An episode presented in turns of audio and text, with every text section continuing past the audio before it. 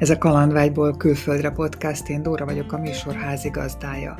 Elérkeztünk izlandi sorozatunk befejező negyedik részéhez.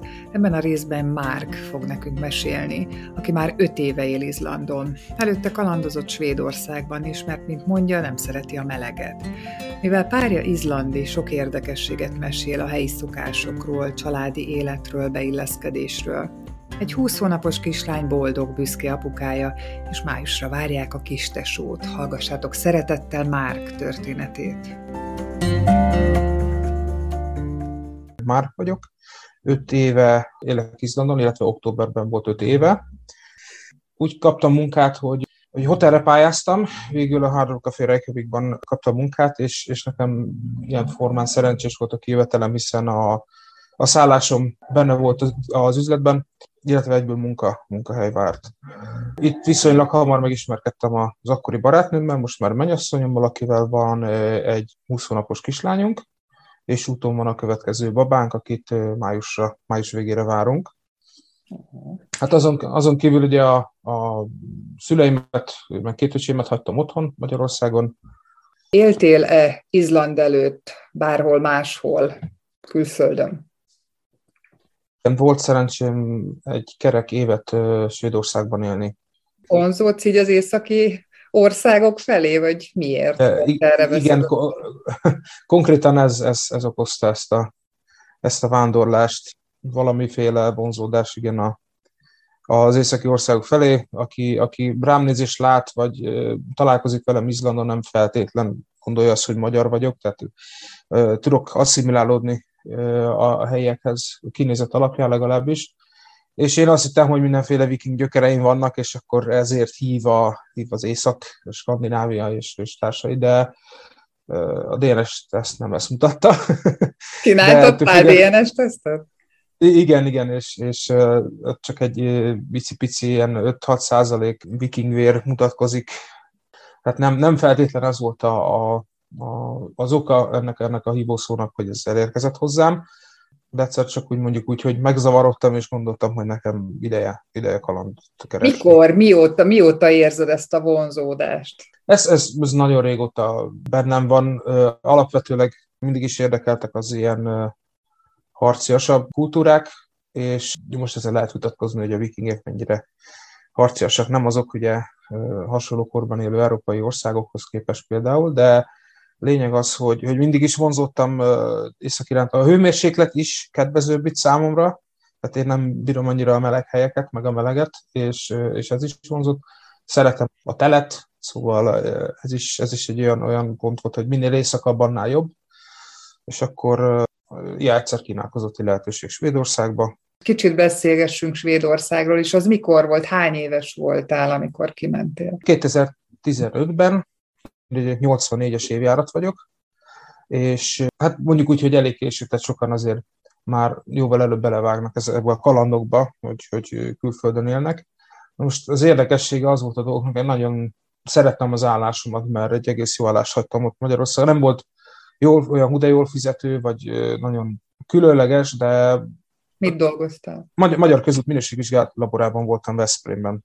Tehát állandóan úton voltunk, helyszíni méréseket végeztünk, és aztán ezt úgy relatív szerettem, tehát ez, ez egy jó munka volt, mondhatni a nyugdíjas állás, és talán ez ijesztett meg. Egyszer elkezdtem gondolkodni, hogy úristen, én itt fog dolgozni, még meg nem halok, vagy valami, és, és akkor így, így, nem tudom, beindult a vezérhangja, és elkezdtem lehetőségek után kutatni, és úgy fél évre rá jött is egy, egy lehetőség, ami, ami kifejezetten őrültnek hangzott, és gondoltam, hogy akkor ezt, akkor ezt meg is kell ragadni. Mi volt az a lehetőség? Igen, e, erről az elején nem szívesen beszéltem, illetve hát nem... Um, De egyébként nem muszáj, is... tehát mondhatod azt, hogy nem ja. akarsz, és akkor ennyi nem. Ja, ö, szerintem érdekes, tehát olyan szempontból érdekes, hogy, hogy pont azért léptem meg, mert ö, most ez tényleg olyan, hogy, hogy ugorjunk bele a fejest ugye az ismeretlenbe, és amikor én kaptam egy megkeresést két hölgytől, akik ugye mondták, hogy hát ők a Szientológiai Egyháznak dolgoznak, akkor én, és mondták, hogy munkáról lenne szó, és hát mondom, mondtam, hogy nem annyira érdekel a dolog, de mondták, hogy ez Malmőben lenne, és hát mondom, jó, akkor üljünk le, és beszélgettünk, és akkor mutogattak nekem mindenféle szuper képeket, hogy így néz ki a, a Malmői org, meg minden, ez a rész, ez, ez totál nem érdekelt, engem az érdekelt, amikor mondták, hogy hát nyilván, ha nem tetszik, akkor ugye, hát ez is olyan munka, mint a többi, föl lehet mondani, és akkor, akkor mész, amerre látsz, vagy amerre szeretnél.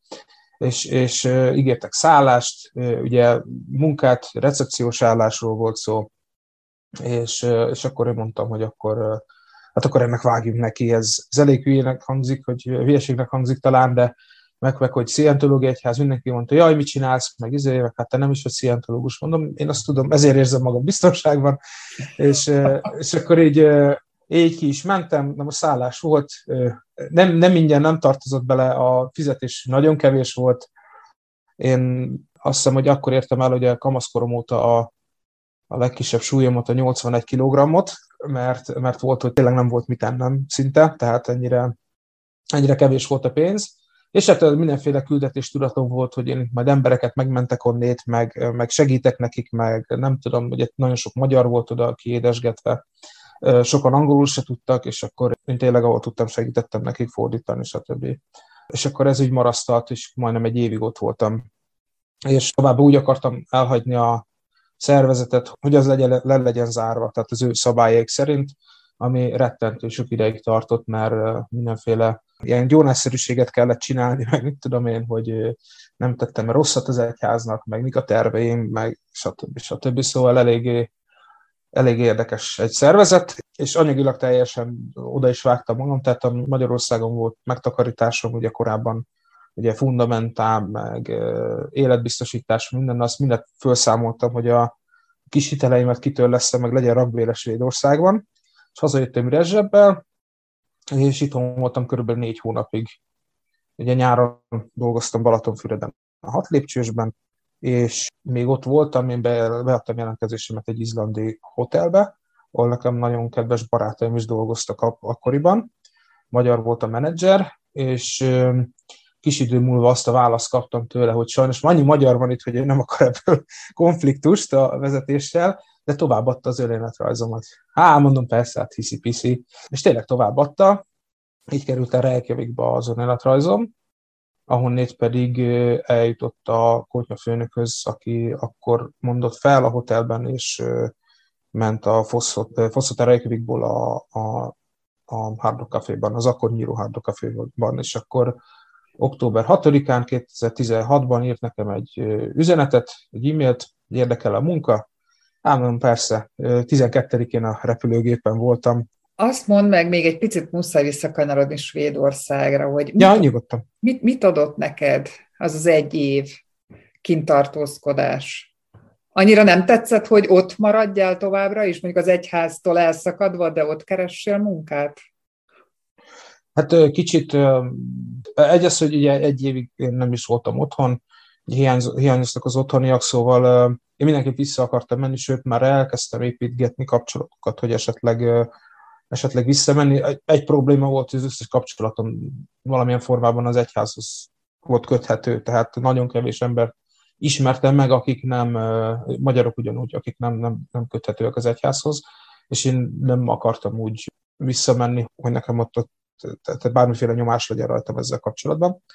És amikor hazajöttem, akkor mondom, tehát jött ez a, ez a lehetőség úgymond, vagy hát én láttam benne egy lehetőséget, hogy a barátaim után kijönni. Mert abban az évben, amikor én hazamentem Svédországból, akkor jöttek ki Izlandra talán májusban vagy márciusban, tehát valamivel előttem, és akkor én így utánuk jelentkeztem végül is. Az... A barátaid miatt esett a választásod Izlandra?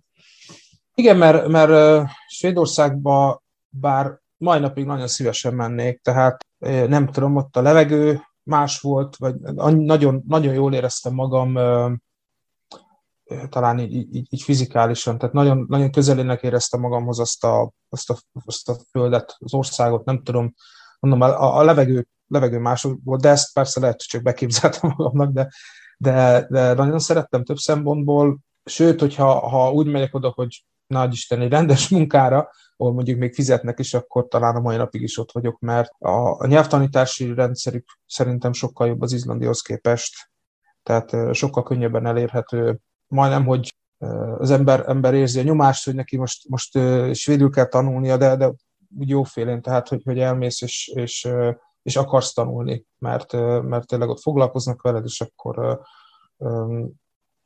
meg, meg nem tudom, az ember rosszogat van egy kicsit, de, de mondom, nem, nem ilyen udvariatlan módon, tehát, hogy, mi nem beszélsz, hanem, hanem próbálnak segíteni itt meg ilyenek. Tehát Svédországot nagyon szerettem több szempontból. Angol, angol tudással mentél egyébként? Igen, középiskolában megbuktam angolból, teszem hozzá zárójelben. És amikor kikerültem Svédországba, akkor egy kis elbeszélgetés után mondták, hogy üljek a recepcióra, az jó lesz nekem mivel a muszáj nagy úr, ezért hamar bele is jöttem. Úgy gondolom, hogy a sokat segített, hogy nem volt, nem volt kiút, nem, nem tudtam kivel ugye más nyelven társalogni, és akkor így maradt az angol. Miben más Izland, mint Svédország? Kevesebb a napsütés, legalábbis Reykjavikban, az biztos. Az emberek mások valamivel, tehát szerintem mások Dániában, mások Svédországban, mások Izlandon.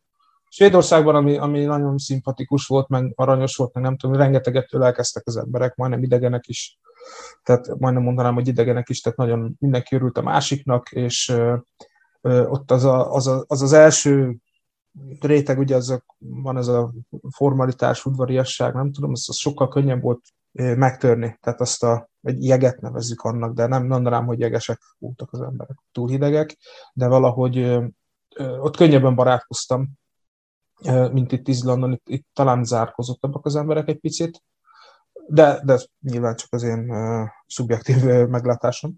Hát értelemszerűen az időjárás más, meg a környezet. Tehát itt, itt azért hiányoznak a, a fák, meg a, meg a zöld olyan mennyiségben, mint amit mondjuk Svédországban láttam, vagy otthon tapasztaltam. Tehát erdő mellett nőttem föl, egy kis faluból származom, és, és nekem az mindig ott volt közelségben és az udvarban lévő három-négy fa ez nem pótolja azt a, azt a mennyiségű zöldet, amit, amit ott, hagy, ott hagytam meg, meg amivel mondjuk Svédországban találkoztam. Ugye hát rengeteg erdő van meg. De ezt tudtad? Tehát erre számítottál? Mielőtt Izlandra mentél, hogy ott azért egy kicsit más lesz? Felkészültél valamennyire az országból? Tudtam valamennyire, tehát hogy nyilván megbeszélgettem ismerőseimmel, meg az ember azért olvas, nézeget videókat, meg ilyenek, de, de annyira nem, nem érdekelt, mert, tehát nem, nem volt, nem zavart a gondolat. De, de készültem rá. Amikor elindultál, akkor tudtad, hogy évekre fogsz menni? Tehát, hogy évekig kint maradsz? Vagy ez így alakult? Így alakult. Én akkor Svédországban azért nem volt két bőröndöm, és az alatt a négy hónap alatt, amíg otthon voltam, teljesen nem is pakoltam ki belőle. Tehát én vártam erre, hogy majd lesz valami. Viccet félretéve, tehát előző nap, hogy én jöttem Izlandra, akkor gyorsan minden visszaszortam a bőröntbe, és jöttem, de meg sem néztem nagyon, hogy megvan minden. Ugye útlevelem megvolt, igazolványaim megvoltak, és akkor innentől kezdve lehet menni. Tehát így, mivel nem maradt sok minden ingóságom Svédország után, ugye az anyagi helyzetemnek köszönhetően, ezért, ezért úgy voltam vele, hogy hát lesz, ami lesz. Tehát majd, ha hosszú távon, vagy nem tudom, téli kabát kell, akkor meg ki megveszem alapon. Mit volt a legkönnyebb megszoknod Izlandon, és majd aztán mit a legnehezebb? Legkönnyebb megszokni talán az átlag hőmérsékletet volt. az, az, ahogy említettem, nagyon kedvező számomra, tehát ez a, ez a, ez a mérsékelt, kellemes 15 fok általában, ez ilyen ez ilyen barátságos számomra. Ami, ami, egyben, ami egyben szép is, tehát, hogy más, más a táj.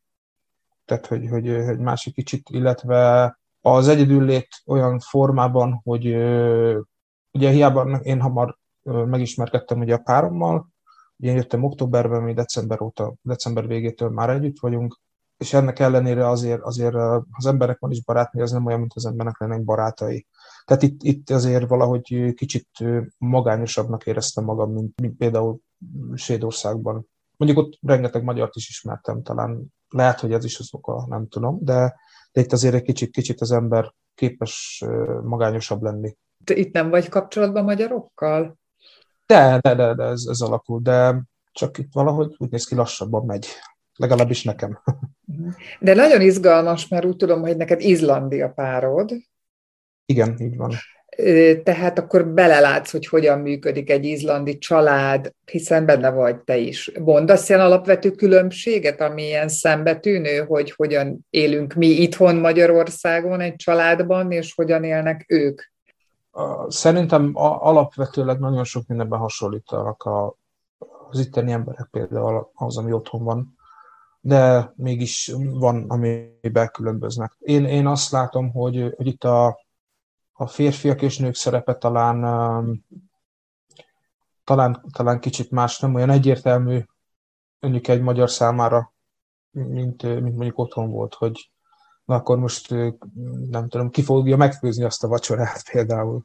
Illetve én olyan háztatásba jöttem, ahonnét, tehát nekem anyukám nagyon sokáig otthon volt velünk, illetve a családi vállalkozáson dolgozott, ergo a házunk tiszta volt, takaros volt étel az asztalon, amit anyukám csinált.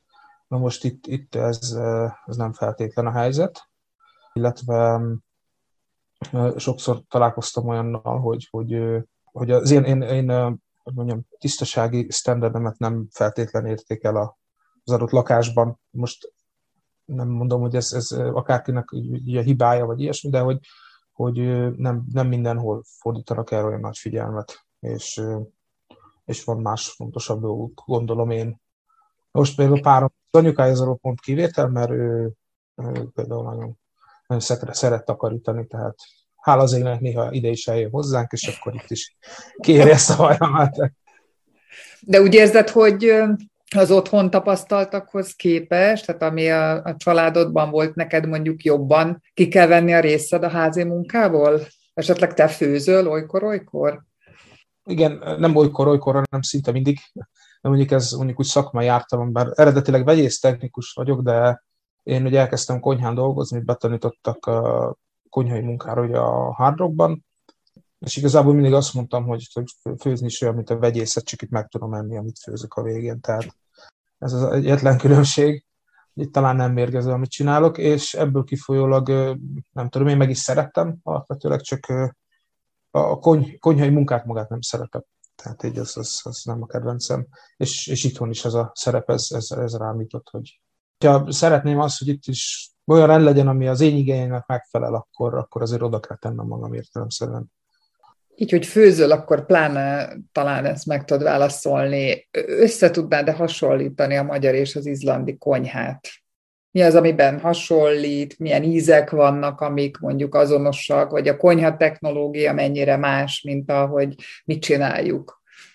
Én azt, azt mondom, hogy nekem egy ilyen olyan felismerésem volt, hogy az izlandi konyha is olyan, olyan most tudom magyarul talán mi lenne a legjobb szóra, de angol csak azt mondanám, hogy resourceful, tehát a mindent, mindent megeszünk, ugye nem, nem lehet pazarolni, című történet, az, az itt is benne maradt az emberekben, és ugye a kultúráikban is ez megvan, amikor ugye egy pont február környékén ugye eszik a birkafejet és mindenféle finomságokat, meg a, meg a cápájukat, aminek elég ammónia szaga van. Tehát ezek benne vannak. Amúgy én azt gondolom, hogy azt eszik így hétköznapokban, nem tudom, ami ez úgy, úgy, úgy kedvük van, és ez alatt azt értem, hogy azt, azt fogják enni, meg azon kedvük, amit nyilván láttak innét onnét. Tehát itt is vannak főzőműsorok, amik jönnek ugyanúgy Amerikából, Európából. Tehát, hogy a, a, a tradicionális ételeket leszámítva, én azt gondolom, hogy elég, elég hasonló, illetve én azt gondolom, hogy nem főznek annyit, mint otthon mi. Tehát több a, a gyorsan beülünk valahová, vagy hozunk haza valamit. Tehát azért ez elég, elég jellemző. Vannak hasonlók sütik, párány, az ugye elég, elég, elég hangsúlyos étel itt. A hal szerűen szintén fontos részét képviseli. Hogy fogadott téged a család? Mit szóltak ahhoz, hogy a lányuk egy magyar fiúval állított haza? Na, remélem, senki nem sértődik meg, de volt benne egy ilyen, hogy na, végre nem lengyel, tehát még ez leginkább a párom, párom volt, amikor, amikor én leszólítottam, akkor, akkor így, így, amikor mondtam Magyarországra vagyok, akkor egy kicsit megkönnyebbült, mert, mert, mert nem, magyart még nem nagyon ismert előtte, szóval nem volt, aki rossz hírünket keltse. De hát Egyébként így, tudod, tudod de... bármit az országunkról? Tehát, hogy ők úgy általánosságban mennyire tudják, hogy Magyarország hol van a térképen? Alapvetőleg szokták tudni, tehát tudják is, hogy, hogy Budapest, néha még jól is ejtik ki, tehát nem, nem peszteznek, hanem budapesteznek, és akkor ezt szokták ismerni. Esetleg kézilabda fölmerült már, de voltak, sokszor mondták, hogy igen, voltak Budapesten fogászaton, vagy átutazóban, hát, hogy, hogy most azt végül is elmondtad, a párod örült annak, hogy végre nem egy lengyel pasi szólította le, de a család hogy fogadott téged? Igen, ja, visszatérve, a család, én abban a szerencsés helyzetben vagyok, hogy nagyon kedvesek. Én nagyon hamar uh, része lettem, tehát nem, nem, nem éreztem soha semmilyen problémát, megkülönböztetést. Ha velem beszélnek, akkor automatikusan angolul, tehát ez, ez sose volt probléma, nem zaklatnak vele, de egymás között például rendszeresen izlandul, de ilyen szinten tesznek rám egy, egy kis nyomást, hogy ha én is nyilván jobban be akarok kapcsolni a beszélgetésbe, akkor célszerű megtanulni izlandiul, de mindig nagyon figyelmesek voltak, nagyon, nagyon kedvesek és érdeklődőek, tehát, tehát én szerencsés helyzetben vagyok, mert úgy néz ki, hogy jó családba kerültem, tehát tudom, hogy nem mindenki ilyen. A másik meg, és most egy kis dicséret következik, hogy, hogy olyan a személyiségem, hogy könnyen szerethető vagyok. Vagy, vagy épp az ellenkezője, de szerencsére a szerethető részével találkoztak. Hogy működik egy izlandi család? Mennyire tartanak össze? Mennyire járnak össze? Ez, ez kifejezetten tetszett, hogy az én páromnak az anyukája egy kis szigetről származik, Flatté, amit egy ilyen nagy öbölben van, ahol van, vagy nem tudom én, hány ezer sziget, és ők onnét származnak, és az unokatesók között mindig ki van osztva, hogy éppen melyik nagymama és az ő leszármazottja és a többi használják a családi házat. Ugye ez a szigeten már még van két ház. És akkor így az anyós és a testvérei szoktak oda menni, együtt ugye a családjukkal, és akkor ott vagyunk, nem tudom én, 20-30-an változó, ugye, hogy hányan tudjak odajönni, és akkor ott van ugye, családi találkozó, beszélgetés, eszemiszom, hajókázás, nem tudom, kimegyünk horgászni, vagy például tollat gyűjtöttünk, amit eladnak párnak, vagy ebből finanszírozzák például a házak fenntartását, tehát ezt a, ezt a finom, finom tollat, nem fehelytollat. Fehely, fehely, Milyen gyakran van ez a nagy családi összejövetel? Egy évben hányszor gyűltök össze? Egy évben egyszer szoktunk oda menni a nagy számban a, erre a szigetre, Na most valaki még oda megy, mondjuk nem tudom én, szeptember környékén, tehát még a tél előtt, rövid időre az már nem családi összejövetel, illetve a karácsonyok szoktak ilyenek lenni még, hogy, hogy ott is ugye karácsony másnapján. Ez körülbelül otthon is mi is ezt csináltuk, ugye, tehát a, az unokatestvérek, ugye a szülők testvérei, ugye össze szoktunk jönni. Ugye 25-én, és ez itt is megvolt, de, de évente kétszer szokott találkozni a család. Mi a várható élettartam a Izlandon, tudod ezt? Ezt nemrég megnéztem, és azt hiszem, hogy 2018-as adatok voltak valami, olyan emlékszem, hogy 83-86 év, talán hát valahogy így. Azt veszem észre, hogy az emberek talán egészségesebbek. Tehát sokkal többet sportolnak itt, az, hogy az uszodába menni, és csak egy kicsit lazítani, az olyan, az olyan része a minden, mint a hétköznapi életnek. Tehát az nem olyan, mint nálunk, hogy ugye majdnem gyakorlatilag luxus, luxus kategória, hogy, hogy akkor most elmenjünk egyet az uszodába, és akkor ott a meleg vízben ázunk egy kicsit. Illetve én itt lakom egy park mellett, és, és rengeteg futót látok, tehát hogy jönnek mennek az emberek futni, és lehet, hogy ennek tudható be szerintem egy ilyen magasabb várható élettartam. Ugye mondtad, hogy a Hard Rock Caféban kezdted. Ott vagy-e még, vagy, vagy merre mentél tovább, meddig voltál ott? Nem, nem fél év után én ott hagytam, mert bíztam benne, hogy mondjuk nem tudom, én építőiparban hasonlóan befektetett mennyiségű munkából többet lehet keresni. Na most én vagy nagyon szerencsétlen vagyok, vagy, vagy nem, nem tudom, de eddig egyelőre az ilyen kis minimálbéres témáknál nem nagyon volt jó munkám, nem sok de elkezdtem festeni. Tehát én fél év után ott hagytam a, a konyhát, mert mondtam, hogy soha többet, és akkor elkezdtem festeni, aztán egy, egy évet voltam egy cégnél, aztán majdnem egy újabb évet egy másik cégnél, aztán egy kis munkanélküliség, és akkor utána visszakeverültem megint az élelmiszer iparba, bizniszbe, ugye voltam büfékocsiban, voltam azon kívül még két másik étteremben egyszer mosogató is, de aztán ezeknek, ahogy vége lett, most megint visszatértem a festéshez, és most éppen próbálom megengedni az utamat, hogy saját kis céget nyissak, és akkor ugye vállalkozzak. A eredeti szakmádban nem próbáltál elhelyezkedni?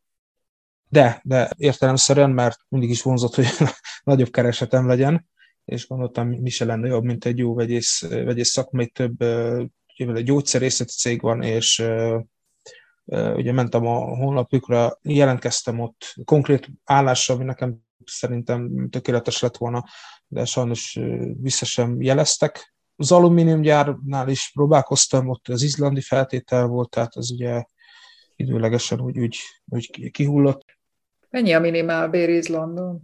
Én azt tudom megmondani, hogy körülbelül a munkanélküli segély az olyan 240, 240 ezer korona plusz körül van, tehát 200, de 250 ezer alatt. És sajnos vannak munkahelyek, ahol körülbelül ennyit is lehet megkeresni. A párom 300 ezer fölött, mint nő, de ő nem, neki ez nem szakmája. Tehát ő most most éppen tanul hozzá, hogy, hogy tehát képesítést szerezzen. Tehát ő már évek óta ezt csinálja, és, és ennek következtében, hogy most már négy éve van ugyanazon a munkahelyen, azért így már fölküzdötte magát, hogy 300 ezer koronás fizetés fölé, de, de én azt gondolom, hogy, hogy szóval nem jellemző, mint hogy sokan, sokan terjezgetnek itt, hogy hát ó, 500 alatt én már el sem megyek, meg tudom én, tehát hogy ez, ez ilyen, ilyen gyerek Izlandba, Izlandba egy kolbászban a kerítés, tehát azért nem feltétlenül utolsó kérdésem, hogy van-e valami olyan történet, ami ott esett meg veled már Izlandon, és szívesen megosztanád, akár vidám, akár